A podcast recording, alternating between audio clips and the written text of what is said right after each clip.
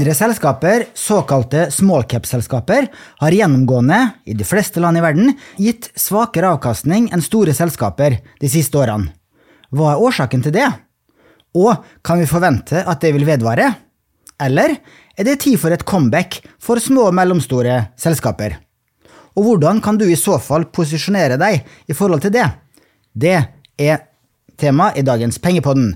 Mitt navn er Bjørn Erik Settem i Spareøkonom i Nordnett. Med meg har jeg min gode kollega Mats Johannessen. Hallo. Hallo, Bjørn Erik.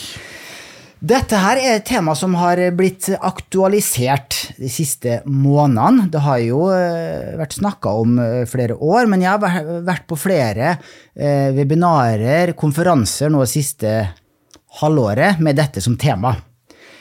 For fra 1990-tallet har investorer blitt lært at størrelse betyr noe. Og at small cap-selskaper, altså mindre selskaper, normalt gir en noe høyere avkastning enn store, altså large cap-selskaper. Dette er bl.a. dokumentert av nobelprisvinnerne Fama og French. De fikk nobelprisen i 2013, men på 90-tallet så ga de ut eh, et paper om faktorinvesteringer som dokumenterte at mindre selskaper ga høyere avkastning enn det brede markedet over tid, men at de da svinger mer i verdi. Eh, men de ti siste årene så har denne smallcap-faktoren ikke gitt meravkastning, men det motsatte. Den har gitt mindre avkastning. Da har large cap gitt vesentlig bedre avkastning enn small cap på både i Europa, i USA og på globalt nivå. Og da er det store spørsmålet hva med de neste ti? Hva tenker du, Mats? Mm, nei, vi skal jo snakke litt om det uh, senere, og det er jo den mean reversion-teorien, at man skal tilbake igjen, holdt jeg på å si.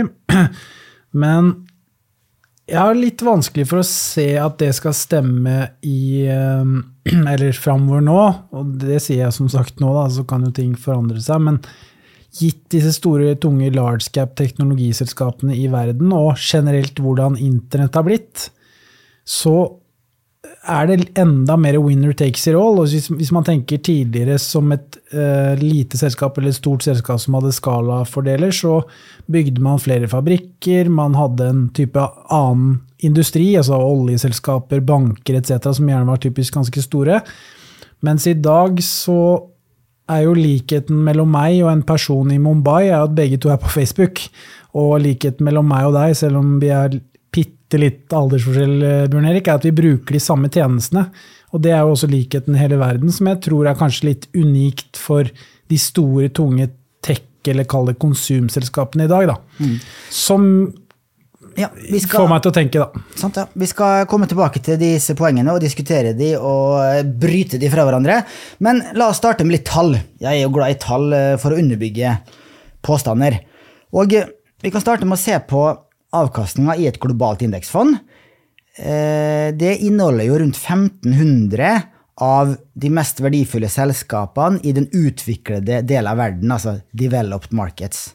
Og så sammenligner jeg den avkastninga med et globalt small cap-indeksfond, som inneholder litt over 4000 mindre selskaper i den samme uutviklede delen av verden. Vi bruker KLPs indeksfond som eksempler.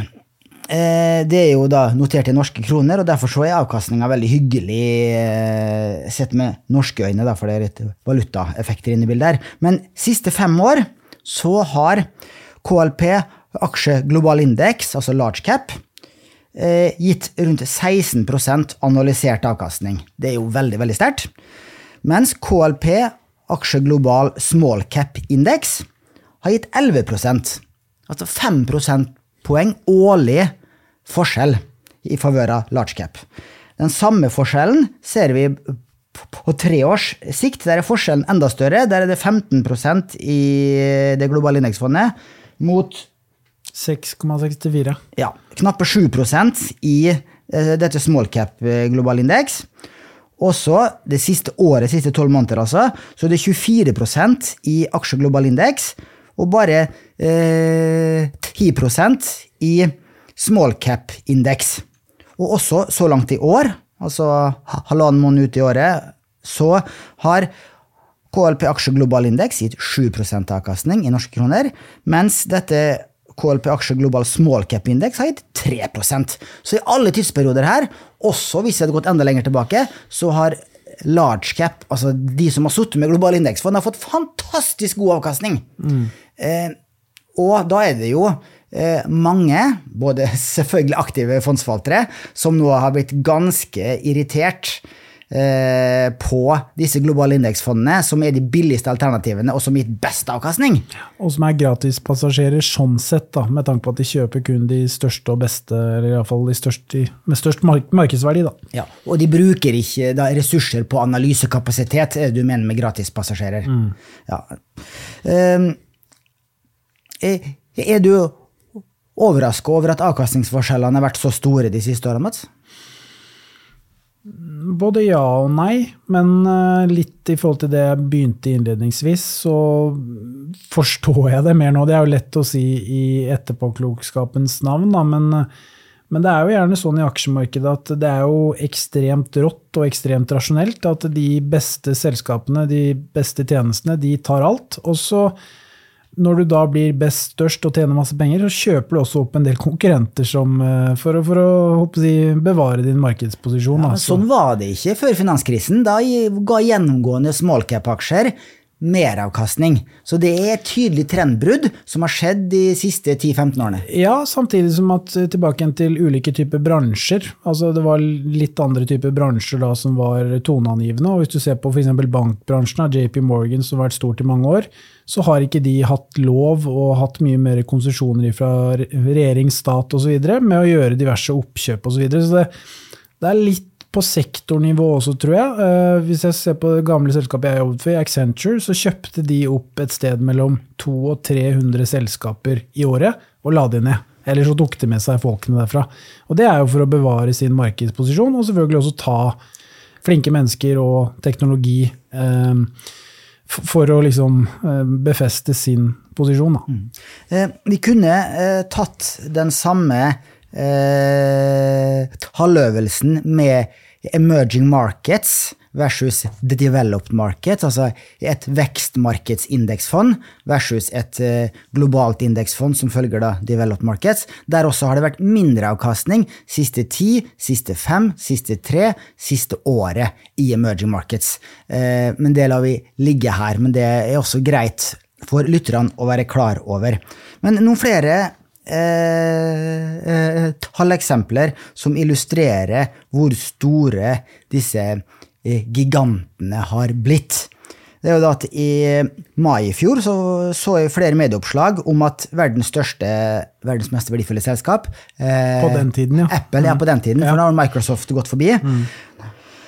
At Apple var mer verd enn hele Russell 2000-indeksen, altså de amerikanske 2000 small cap børsnoterte selskapene. Eh, og siden den gang så har jo Apple bare blitt enda mer verd enn hele Russell 2000-indeksen.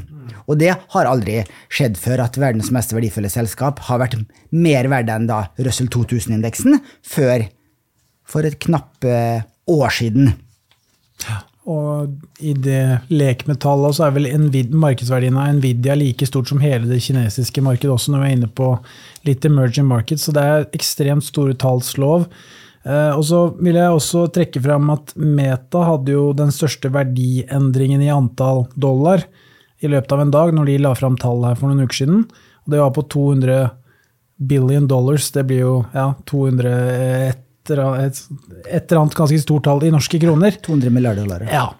Eh, og eh, det tilsvarte faktisk altså den, Bare den verdiøkningen på Facebook tilsvarte faktisk halve markedsverdien av Oslo Børs. Så det forteller litt om størrelsen. da. Ja, for de steg 20% på en dag. Ja. Mm. Eh, og et siste talleksempel er jo det at eh, som jeg fikk fra Skagenfondet på nyttårskonferansen, der ble det vist en graf som viste at eh, Magnificent Seven sin markedsverdi, altså Apple, Google, Microsoft, Nvidia, Tesla, Amazon og Meta, altså Facebook, er nå større enn hele det europeiske børsnoterte aksjemarkedet. Mm. Og det er jo også ganske drøyt å tenke at sju selskaper eh, notert i USA er verdt mer enn hele europeiske børsen, inklusive LMVH og Novo Nordisk. Mm. Og det, det, er jo mange sånne sinnssyke sammenhenger. Du kan, du kan si at Tesla er jo større i markedsverdi enn alle andre bilprodusenter til sammen, var i hvert fall. Eh, så det, det, er jo ja, det er ganske ekstremt hvordan ting har blitt. Altså. Det det. Og du Mats, du har sett litt på Oslo Børs, og hvordan eh, small cap-indeksen der har gjort det mot hovedindeksen. Hva ja. fant du? Nei, eh, det var litt sånn som du var inne på, Bjørn Erik, at det har jo Det har jo vært faktisk i store perioder på Oslo Børs, sånn tidlig 2000-tall blant annet, så var jo small cap-indeksen langt over um, langt over Oslo Børs, og det fortsatte faktisk også i krakk i 2008-2009. Men så begynte man å se et ganske stort skille i omkring 2012-2014. Da begynte Oslo Børs virkelig å toge ifra eh, small cap-indeksen. Og den har egentlig bare fortsatt og egentlig eskalert etter, jeg vil si, etter eh, korona, eh, koronasmellen i 2020, så har det egentlig bare økt på ganske mye. Og nå er vel det, hva kaller man det, krokodilletegnet så vidt som det har vært, tror jeg, over så lang tid. Så det er jo ganske interessant i seg selv, da, at man ser den samme trenden på egentlig de fleste børser rundt omkring, selv på lille Oslo Børs. Mm. Og så er det jo stor forskjell på large cap og small cap i Norge kontra USA, selvfølgelig. Da. Altså en Equinor blir jo et relativt lite selskap i amerikanske uh, terminologier, men likevel, da. Ja, sant. Eh, jeg så Du sendte meg også en graf på siste fem og siste eh, tre år, og der er ikke forskjellen så stor. Så siste fem årene så var faktisk small cap litt foran hovedindeksen. Så det er jo greit å um, Ja da. Ja. Mm. Det, er, det, er, det, er, litt sånn i forhold til hva du måler og fra og til osv. Så videre, så men, men hva skal jeg til å si, det har også lønt seg sånn all over å sitte i hovedindeksen i Oslo da, på over lange lange tidsserier. Mm. Eh, og jeg kan nevne at hovedindeksen det inkluderer 69, uh, de 69 mest verdifulle selskapene voldt etter mm. Børsverdi. og det er vel litt likviditet og flyt og sånn òg. Og så den small cap-indeksen inneholder 139 selskaper av de som er under de 69, da, meg bekjent. Og der er de største selskapene eh, PGS og Crayon og eh, Heatron. I hvert fall de tre største i small cap-indeksen i dag. Mm. Og det er jo klart at den altså selskap nummer 100 nedover i small cap er jo fryktelig lite på Oslo Børs, og er jo gjerne selskap også da som kanskje ikke har likviditet i det hele tatt, kanskje ikke daglig likviditet engang. Som gjør at du selvfølgelig får jo stor spredning i feltet der, kontra f.eks. i Russell 2000, da, der kanskje omsetningen eh, blant de minste der er kanskje blant toppen i Oslo, sånn sett. Så mm. det er jo det er jo, Man sammenligner jo litt epler og pærer da, med, med Oslo Børs og den eh, amerikanske, de amerikanske indeksene, men, men, det er interessant å se på trenden uansett. Så skal vi gå over til å snakke litt om eh, hva er årsakene til at large cap-selskapene, altså de store, har gjort det så mye bedre enn de små de siste årene. Og som vi har vært inne på, uh, winner takes it all. Mm. Det har vært veldig tydelig de siste årene, og da spesielt med de amerikanske, globale eh, tech-gigantene, som før heter Fang-aksjene, som nå heter Magnificent Seven, det jeg nevnte i sted her, de har gjort det fantastisk bra, og aksjekursen har steget voldsomt de siste årene. Og disse selskapene her, de, de har jo da vokst veldig i både omsetning og i øh, overskudd. Og i tillegg så har de fått en multiple ekspansjon med at eh, aksjemarkedet er villig til å betale enda mer for eh, forventninger om økninger i fremtidige overskudd. Mm. Ja, øh, og så er det jo litt det som vi var inne på i starten også. Det er jo selskaper som hele tiden finner nye veier inn i din lommebok. Eh, i forhold til nye tjenester, nye teknologier, nye produkter som man hele tiden suser rundt, da, enten det er på jobb, eller det er privat, eller det er i andre sammenhenger.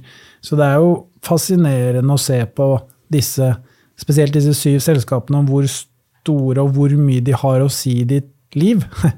At det, som vi var inne på litt før sending, Bjørn Erik, og snakket om det litt tidligere også, at det er like, altså det er like kjent for en syvåring i dag å ha relasjon til Netflix som eh, DNB, for å si som sannsynligvis mer relasjon til Netflix enn DNB. Og det er også litt sånn unikt fra tidligere, kanskje, at man har større relasjoner til disse store amerikanske gigantene enn Kall det hjemlige selskaper, da, som kanskje skulle vært ditt hjerte mer nær da, som nordmann. Ja, og Da kan du også nevne YouTube, som seksåringen vår hjemme veldig gjerne vil se på, som hun ikke får se på noe særlig. Det eies jo av Google, f.eks. Mm. Og eh, Apple mobiltelefon det er det jo veldig mange skolebarn som får. Mm. Så det er helt riktig det altså, at eh, at det har blitt en del av hverdagen og en del av lommeboka vår, disse, disse store, globale tech-selskapene.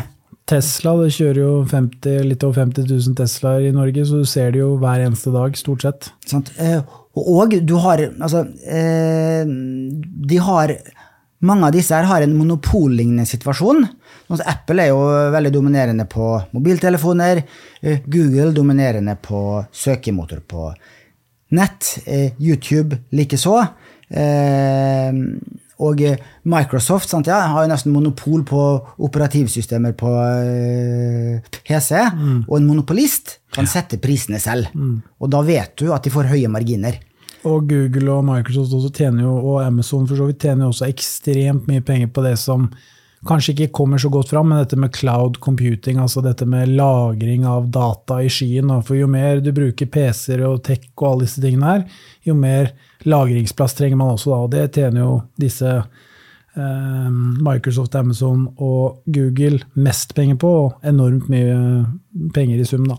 Absolutt. Og altså, de rammebetingelsene disse store selskapene har også, med tanke på hvor hardt blir de regulert? Må de splittes opp? Det var jo en rettssak eh, for to-tre år siden hvor det var snakk om at eh, flere av disse store amerikanske tech-selskapene eh, skulle splittes opp.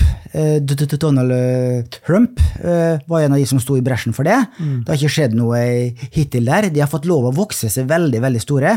Vi gjorde et søk her nå før sending. Når var siste selskapet som ble tvunget til å splittes opp, Mats? Hva var det vi fant? Det var vel i 1982. Det var da AT&T ATNT som ble splitta opp i, i et selskap som het Var det Bell mer. Ja, stemmer det. De var veldig dominerende på ja. eh, telekom-sektoren i USA. Kan nesten kalle dem for Telenor i Norge, mm. altså i større grad. Her har vi jo selvfølgelig Telia også, da, men på den tiden så var det vel bare ATNT, og så ble de da tvangs, eh, tvangssplitta, da, for sånn. å skape litt mer konkurranse.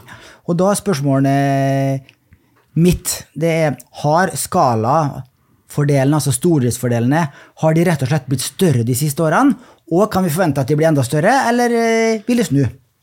Ja, altså jeg er jo absolutt ingen teknologiekspert og sånne type ting, men hvis man ser på forretningsmodellen, og ikke minst bare hvis man tar utgangspunkt i seg selv, så skulle en jo tro det at eh, selv om internett, altså internett har gjort at verden har blitt større, så har den kanskje også gjort at verden har blitt mindre, for vi har blitt mye mer globale enn vi var før. og det er vel så lett for meg nå å sitte og følge med si, live-oppdateringer fra Amerika kontra som i Norge.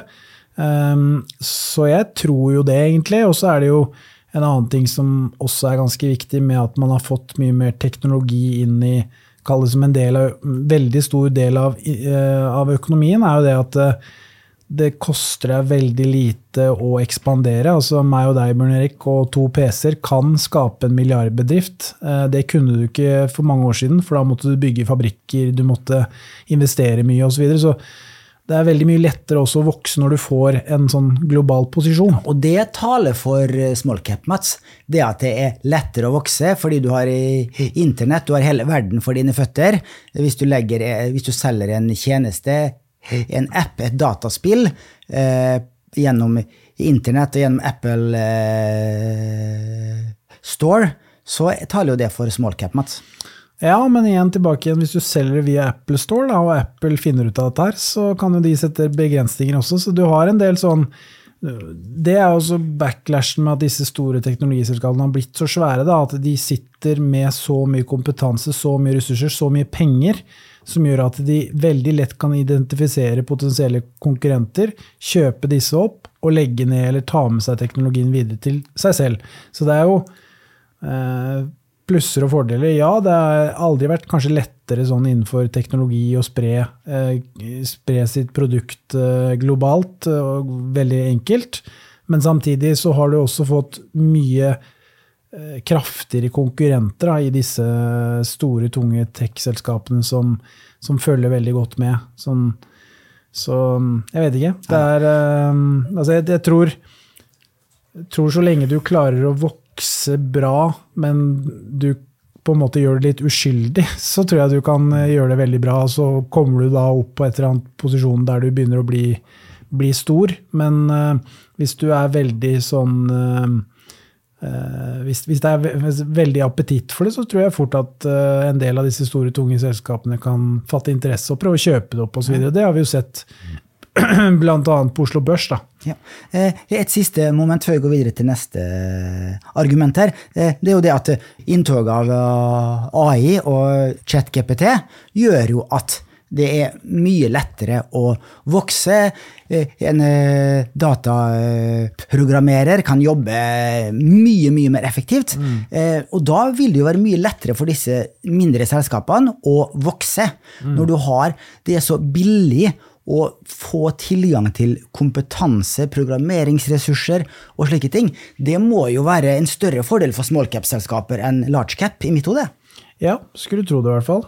Så, vi får jo se åssen det går. da. Foreløpig så er ikke aksjemarkedet, er ikke aksjemarkedet enig med deg, Bjørn Erik, men uh, hva vet vel jeg om ti år? Nei, eh, du har rett i det. Altså, det er jo de store. det er jo Magnificent Seven, flere av de har jo dratt kjempefordel av nettopp denne AI-bølgen som har kommet nå, med Nvidia i spissen, som har steget 200-300 siste året. Mm.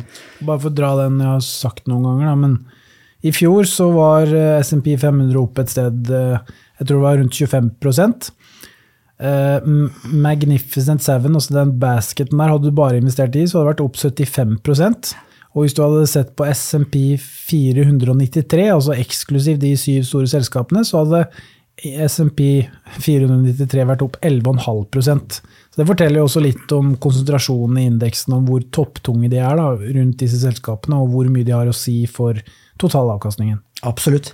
Eh, argument nummer to for hvorfor large cap har gjort det så bra, når jeg har lest undersøkelser på det her, så er et mye brukt argument at det har vært en massiv pengeflyt, pengestrøm, inn i passiv indeksfond. Og de investerer jo etter market cap, altså børsverdi som kjent, og da eh, kjøper disse indeksfondene mest i de store tungvekterne, altså Magnificent Seven og andre store selskaper. Og jeg leste et sted at det har vært nettosalg av globale small cap-fond hvert eneste år de siste 15 årene i det amerikanske markedet. Så det, var, det har gått masse, masse penger ut av small cap-fond i veldig mange år nå.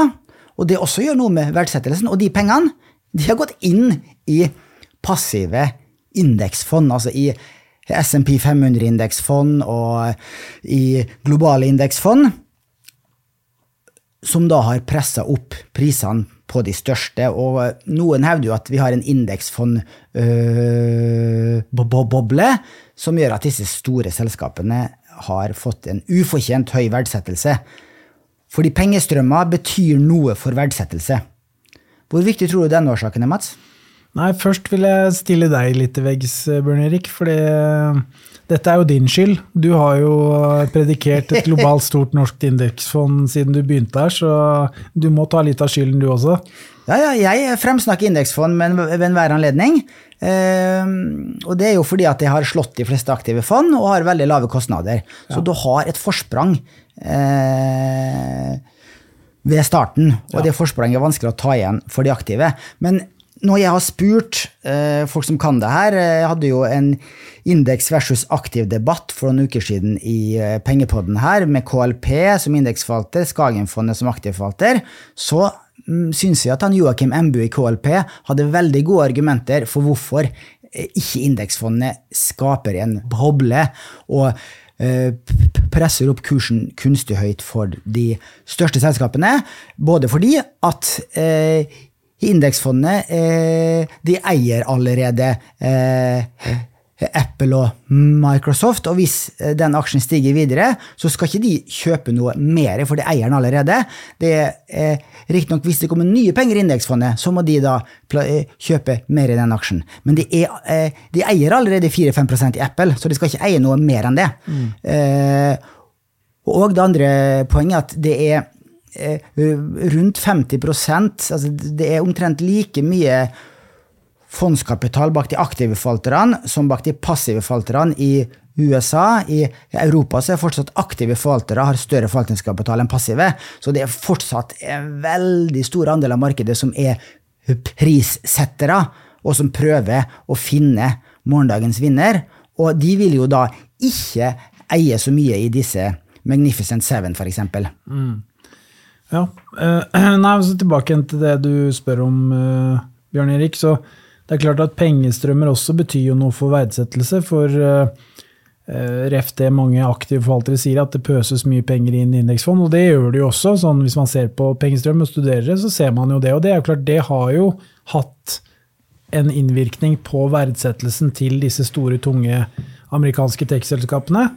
Og selvfølgelig også at de er blitt kjøpt, altså forstå meg rett, ukritisk, da, uansett verdsettelse. Altså man hadde jo, for bare noen årstidstiden så kjøpte man jo Amazon på 100-200 ganger earnings, og Tesla har jo vært på flere tusen ganger earnings, på en måte, så det har jo ikke vært verdsettelsesperspektiv bak kjøpene, men det har vært motoriske indeksfondkjøp. Og det kan man jo som aktiv forvalter si at ja, dette er en boble, og det er altfor dyrt, osv. Så, videre. så ja, det kan godt skje, det. Og så øh, Du ser jo kanskje på Tesla ned 30% så langt i år, og liksom det har falt mye verdi. Men, men da kjøper jo selvfølgelig indeksfondene de som stiger, altså som heller stiger, da. Så, så Ja, De eier de allerede. altså Ja. Indeksfondet eier både vinneraksjene og taperaksjene. Ja da. ja da. Og da da- så det, det blir jo en sånn naturlig eh, forgreining der, og så kan man jo tenke på det som en mulighet, da, hvis man er aktiv forvalter, til å f.eks. gå i small cap, som eh, vi er inne på her. Da, også at man kan kanskje finne gull der, og så hvis man er heldig der, så vil jo de på et eller annet tidspunkt også komme i et indeksfond. Og hvis du da sitter der fra starten som aktiv forvalter, så har du gjort en veldig god jobb. Da skal vi over til å snakke om argumenter for hvorfor small cap, altså mindre selskaper, skal overprestere fremover. Noe da som ikke har skjedd på i hvert fall de ti siste årene. Og jeg deltok på Skagenfondets nyttårskonferanse for en måneds tid siden. Og Der var det bl.a. et interessant foredrag av eh, Jonas Edholm, som er hovedforvalter i Skagen Fokus, som er et globalt small cap-fond med fokus på verdiaksjer. Og Han viste en, del interessante grafer eh, for hvorfor small cap-universet bør være attraktivt fremover. Eh, disse videoene fra Skagen-konferansen ligger ute på Skagenfondet sine nettsider. Du må riktignok registrere deg for å få t- t- tilgang til alle videoene, men eh, det er veldig enkelt. Det anbefaler jeg folk å gjøre. Det er masse gode foredrag der, inklusive foredraget til Jonas. Og det viktigste argumentet hans det var da mean reversion. Det at i dag så har vi den største rabatten på globale smallcap-aksjer noensinne, målt etter nøkkeltall som price earnings og prisbok. I hvert fall eh, så langt tilbake som Skagen hadde statistikk, i 2004, altså de siste 20 årene. For normalt så skal jo smallcap-aksjer handles til noe høyere multiple, altså høyere eh, PE, enn large cap, på grunn av at eh, small cap har høyere vekstforventninger. Men det er ikke tilfellet i dag. Ehm, I dag så har MSA sin All Countries verdensindeks en forward PE på 17. Small cap sin eh, tilsvarende P ligger på 15. Og de sist eh, ja, Så da eh, har du også en rabatt på smallcap-verdsettelsen. Eh, mens historisk sett, de siste 20 årene, så har det vært en premie på mellom 10 og 15% Det vil si at smallcap har hatt 10-15% høyere PE enn large cap. Ikke 10-15 prosentpoeng, men altså en noe høyere multiple enn large cap. Mm. Så nå er det snudd på hodet, og den forskjellen er historisk høy.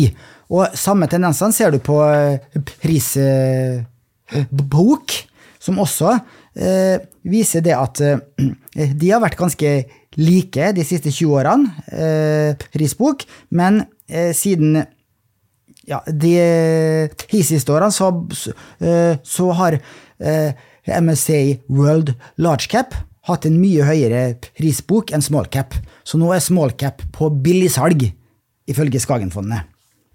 Hva sier du til disse tallene, Mats? Blir du overbevist? Nja, altså Jeg tror det er viktig å se på litt nyanser her òg, fordi hvis man tenker litt tilbake når vi hadde nullrenter, så, så var det jo altså Da er det jo veldig enkelt, for da har man jo egentlig ikke noe avkastningskrav. Men det man så, da, det var jo at det er veldig mange store aktive pensjonskasser, trust fund osv. som var villige til å kjøpe og prise opp store, tunge selskaper som betalte utbytte, fordi at du hadde ikke noe alternativ. Så fikk du 2,5% i Apple for eksempel, i utbytte, så var man villig til å prise opp det ganske, ganske kraftig for å få en, sik en sikker utbyttebetaling. Da.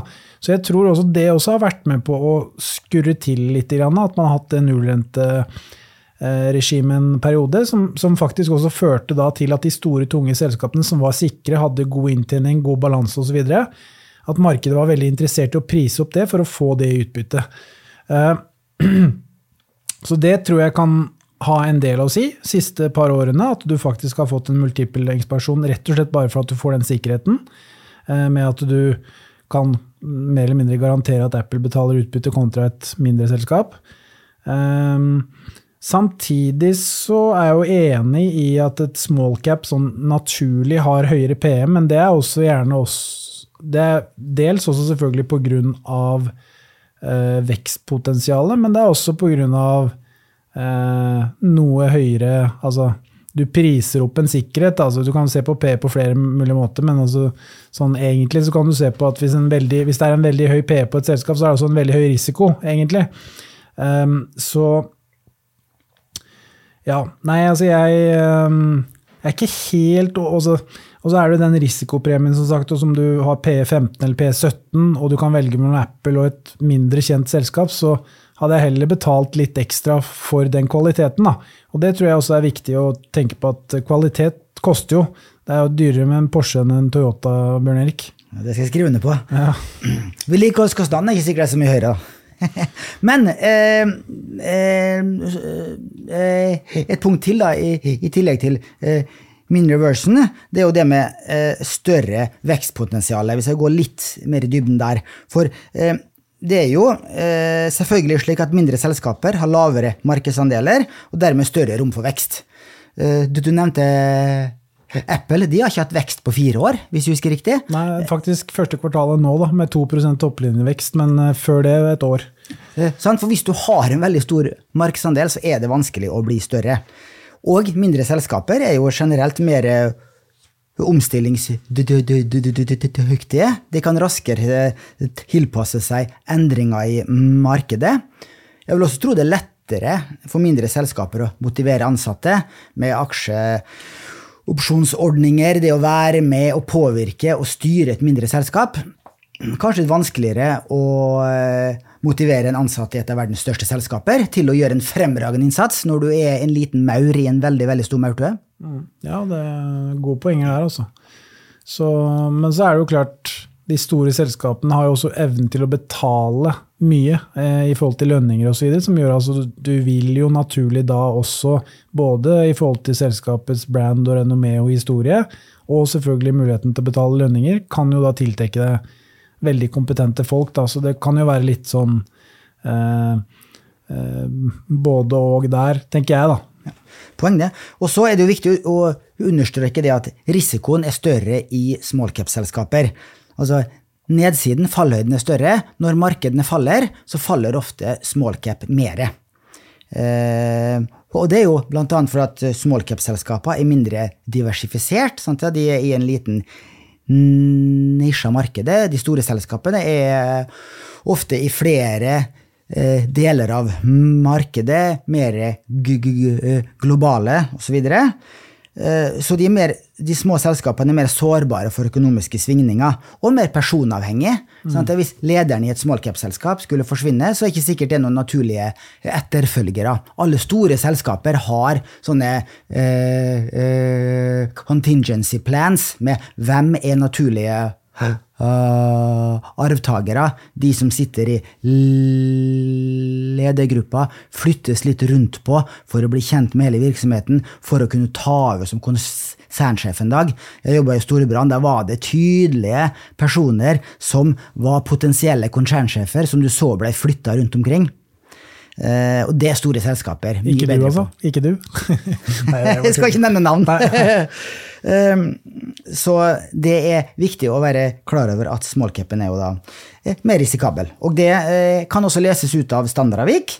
Hvis du ser på standardavviket til MSA uh, World Index, som da er large cap-selskaper, de siste ti år så har standardavviket vært rundt 15% analysert. Og i den MSA World Small Cap så er det 18% standardavvik. Så du får større svingninger underveis. Så det er viktig å være klar over. Men nå de ti siste årene så har du ikke fått betalt for de svingningene. Mm. Men forhåpentligvis, eller vil noen si, så vil du få betalt, bedre betalt for det de ti neste årene. Men det gjenstår å se. Ehm, det er også interessant å se at den trenden, altså den mean reversen, da jeg så på grafene i desember, så kunne det se ut som at den min reversen var starta. For da var eh, siste tre og siste seks måneder på det KLP eh, sitt globale indeksfond mot smallcap global indeks, da lå smallcapen litt foran på tre og seks måneder. Mm. Da kunne det se ut som at den var starta min reversen, men så har da januar og februar eh, vært veldig i favør av large caps igjen. Så eh, det, det ser ikke, ikke ut som det har starta, og toget har i hvert fall ikke gått fra perrongen for de som er interessert i å vektes opp i small cap. Nei, det kan jo være et falsk, signal der, for vi husker vi hadde jo Sissener her eh, første uka i januar, og han påpekte jo dette som var veldig interessant, at det var veldig mye short covering på eh, før jul, når det var et voldsomt rally, og ikke minst at vi fikk jo veldig sånn renteoptimisme, at eh, rentene skulle ned opp mot seks ganger i USA, som igjen da vil selvfølgelig favorisere en del av disse small cap-selskapene, som ofte da har litt høyere gjeldsgrad og litt dårligere inntjening. Det er helt riktig, for det var mitt, mitt eh, tredje og siste argument for eh, hvorfor small caps gjøre det bra fremover. Det er nettopp det med eh, markedsklimaet. At i perioder med rentenedgang så ser man ofte at small caps eh, gjør det bedre enn large cap, fordi de er mer avhengig av gjeldsfinansiering for å vokse. Mm. Eh, og det er gjennomgående også flere vekstselskaper i smallcap-segmentet. Og de prises da på fremtidig inntjening, og når renten faller, så er det størst fordel for vekstselskaper. Ja. Eh, så må vi begynne å lande snart. Eh, Mats, jeg har konkludert. Eh, vil du høre min konklusjon? Ja. og jeg mener jo, jeg er jo en eh, en eh, Jeg liker jo finansteori, jeg liker å regne på ting. Og eh, da står det jo i eh, min lærebok fra Handelshøyskolen at du skal diversifisere så mye som mulig. Diversifisering er den eneste gratislunsjen i finansmarkedet. Og da bør en diversifisert fondsportefølje strengt tatt inneholde litt av alle børsnoterte globale aksjer i verden. Og det skal, bør da fordeles etter markedsverdi. Eh, og det vil si at du både skal eie eh, developed markets og emerging markets. Altså Nordnett sitt globale indeksfond er jo bare developed markets. Så da må du supplere med Nordnett indeksfond emerging markets i tillegg for å, både, eh, for å dekke hele verden. Men selv om du har de to fondene, så har du ikke small cap. Det er det mange som ikke er klar over. Så da bør du strengt tatt også kjøpe et small cap-fond eh, som dekker eh, developed markets og emerging markets, hvis du skal være veldig pinlig korrekt. Eh, og eh, fordelinga mellom large cap og small cap. Eh, hvis du eier eh, et globalt indeksfond, f.eks. Nordnett global indeks, så eier du 80% av verdens børsverdier. Jeg fikk eh, oppdaterte tall fra KLP her forleden. Og hvis du da supplerer med et vekstmarkedsindeksfond, ja, da eier du ytterligere 10 Da er du 90% av verdens børsverdier. Den siste 10% det er small cap-universet. Så da kan du kjøpe det øh, øh, HLP, aksje global indeks small cap. Da får du de, de ti siste prosentene. Og skal du være pinlig så burde du egentlig også ha et small cap-fond for emerging markets, men det utgjør bare eh, 1 av verdens børsverdier, og det, det har ikke noen norske forvaltere i dag. Jeg spurte KLP hvorfor ikke de hadde det. Det er fordi det er så marginalt, det er så liten etterspørsel etter det. Eh, så det, de så ikke noe markedspotensial for å ha det. da. Men som Nordnett-kunde så har du selvfølgelig også tilgang til et ETF-univers. Og i det ETF-universet, der finner du en ETF som heter SPDR, MSCI og All Countries World Index. Den har et hikkerkode SPYI. Og den dekker nemlig hele det globale uh, All Countries investeringsuniverset, inklusive small cap. Ja. Så da får du 100% av verdens børsverdier. Det er da 9000 selskaper ca. Eh, spredt på 45 land. Eh, og sammenligna med et globalt indeksfond som inneholder rundt 1500 selskaper, så er jo det en vesentlig større, bedre diversifisering. Og det, eh, den ETF-en SPYI den koster 0,17% i året. Altså billigere enn Nordnett sitt globale indeksfond, til og med. Riktignok så kommer det kurtasje og valutavekslingsavgift i tillegg, men hvis du skal eie denne ETF-en her i mange år, så er det sistnevnte neglisjerbart. Da er det årlig forvaltning som er viktigst. Så da er det bare å løpe og kjøpe denne.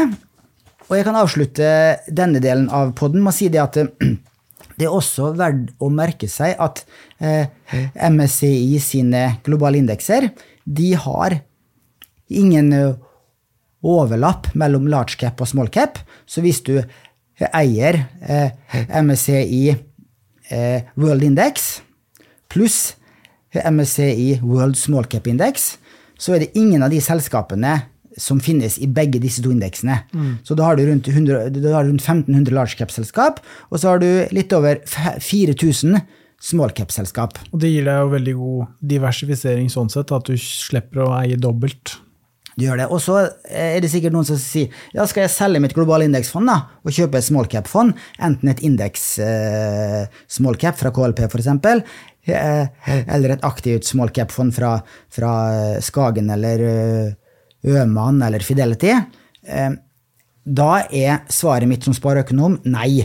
For du slettes ikke sikker på at du får denne mean reversen, og det er vanskelig å vedde mot en trend som har vært i mer enn ti år. Så jeg ville sagt at eh, mitt naturlige valg vil være å ha, å ha en nøytral fordeling mellom large cap og small cap, dvs. Si 90-10 eh, i favør large cap, også 90-10 i favør developed markets versus emerging markets. Da, har du, da eier du hele verden basert på børsverdivekter. Har du gjort det selv? Nei, jeg skal gjøre det nå. Jeg må bare finne ut hvilke smallcap-fond jeg skal velge. For jeg har ikke eh, sett så nøye på det, må jeg innrømme. Og jeg har sett at eh, omtrent alle andre fond, eh, bortsett fra teknologifond, har tapt mot et globalt indeksfond, som jeg har 50% av porteføljen min. Så det har ikke vært så, vikt, det har ikke vært så opptatt av å se på de small cap-fondene, for at de har gjort det så dårlig. Mm. Men når jeg har satt meg inn i problemstillinga og ser en del gode argumenter for hvorfor vi kan få en mindre version, i hvert fall hvorfor jeg bør ha en nøytral vekt i small cap, slik som jeg allerede har i vekstmarkeder, så skal jeg finne meg et small cap-fond. Det skal jeg komme tilbake til eh, i en senere Pengepodden-episode. Jeg skal også skrive et blogginnlegg om det her, og prøve å gjøre en analyse på small cap. eh. Hvilke som er gode, og hvilke som er mindre gode, basert på historisk avkastning og risiko. Da skal vi bruke de siste minuttene på å snakke om eh, en liten fondsnyhet. For denne uka her så lanserte Nordnett et nytt indeksfond. Eh, nummer, det er vel nummer 11 i familien, hvis jeg ikke husker riktig. Det er Nordnett Smallcap Sverige Indeks. Eh, og dette fondet investerer i 80 svenske små og mellomstore selskaper på Stockholmsbørsen. Siden et indeksfond så er kostnaden lav, 0,35. Den er riktignok noe høyere enn de andre indeksfondene våre. Det skyldes jo at det er da et small cap-fond. Det er litt uh, dyrere med small cap-fond, og da uh, tar vi hensyn til det. Og det er jo eh, Jeg må innrømme det at det er jo et smalt small cap-fond. Det er naturlig hvis man skal investere i, en, i, i small cap-universet, er å velge et, et globalt small cap-fond. Eventuelt et nordisk small cap-fond. Eh, vi har nå kommet med et svensk smallcap-fond. Eh, det skyldes primært at det er et, eh, et ønske fra Nordnett Sverige. Det er veldig stor etterspørsel etter smallcap-fond på Stockholmsbørsen fra våre svenske kunder. Men jeg tror også at det kan være interessant som krydder i porteføljen til noen norske kunder også. Og som da ekstra diversifisering. Og hvis du har tro på at smallcap skal få en mindre version, for også i det svenske aksjemarkedet så har smallcap gjort det svakere enn largecap de siste årene. Det, vi har et blogginnlegg på det her på Nordnett-bloggen som eh, vår eh, sjef Mari har skrevet. Eh, Riktignok eh, med litt hjelp fra meg. Eh, og eh, der viser det noen grafer og noen nøkkeltall på eh, det svenske markedet. Og det er jo de argumentene med at smallcap har generelt hatt bedre avkastning før, men hatt, hatt svakere avkastning de siste årene, og at det er stort vekstpotensial i svenske small cap-selskaper. Når det er sagt, så er det jo vanskelig å under- og overvekte regioner, small cap versus largecap, large cap, som jeg har sagt mange ganger før. Så en ganske nøytral uh, posisjon er jo det letteste for de som ikke følger så veldig mye med. Jeg kan også nevne det, Mats, at vi har jo et uh, svensk indeksfond fra før av, Nordnett Sverige Indeks, og det eh, har så godt som ingen overlapp med dette nye smallcap-fondet.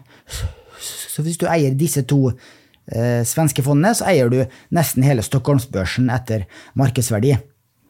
Mm, jeg så også på, på eh, de ti største posisjonene, Mats. Du er jo litt inne i det svenske eh, selskapsuniverset. Og der er de fem største er, eller kan ta de, de, de, de største, er jo eh, eh, Castellum. Eh, Adtech, eh, Getinge, Tele2, eh, Beyer og Securitas. Mm.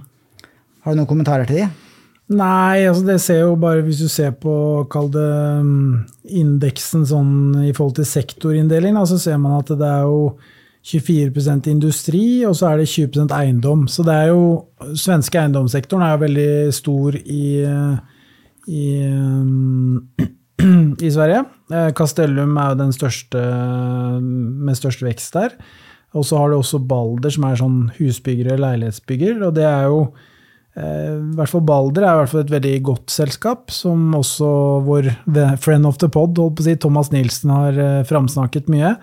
Og så er det jo en del interessante selskaper. Du har jo Huskverna der, blant annet. Du har Securitas. altså Du har en ganske god spredning i sektorer.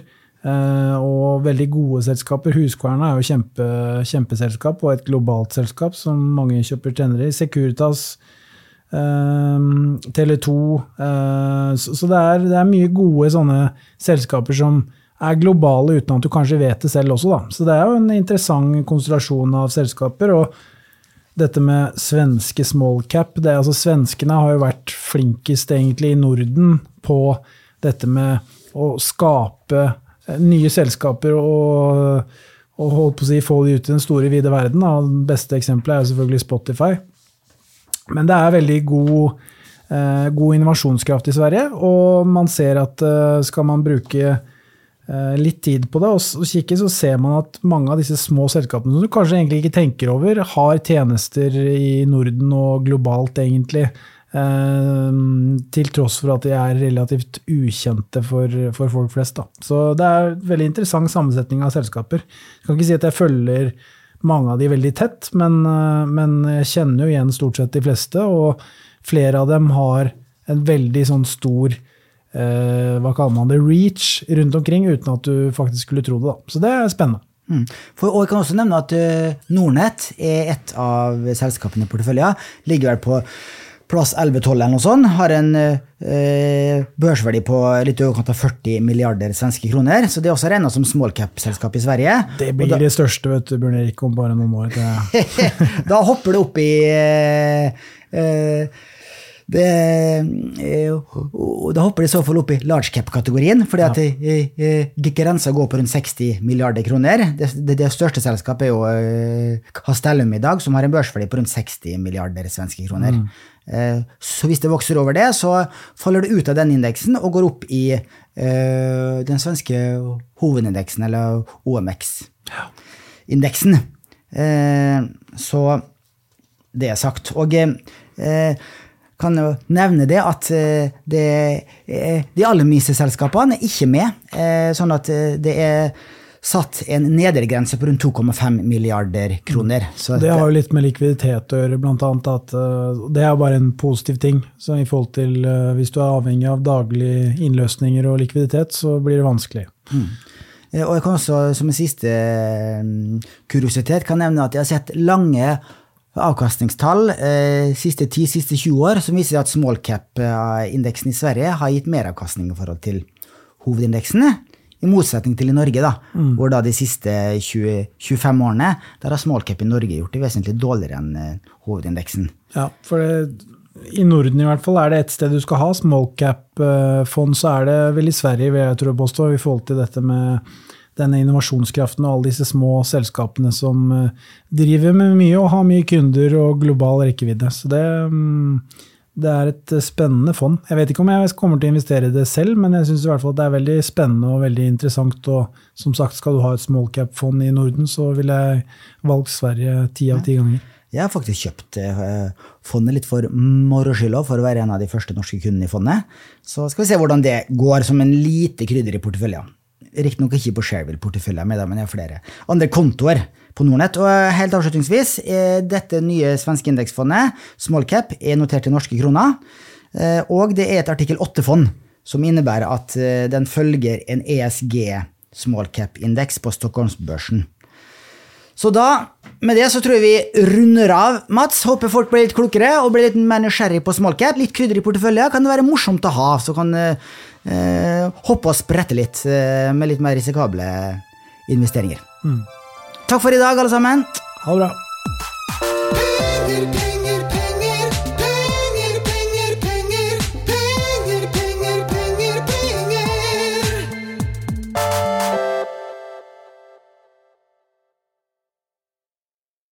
Denne podkasten skal anses som markedsføringsmateriell, og innholdet må ikke oppfattes som en investeringsanbefaling.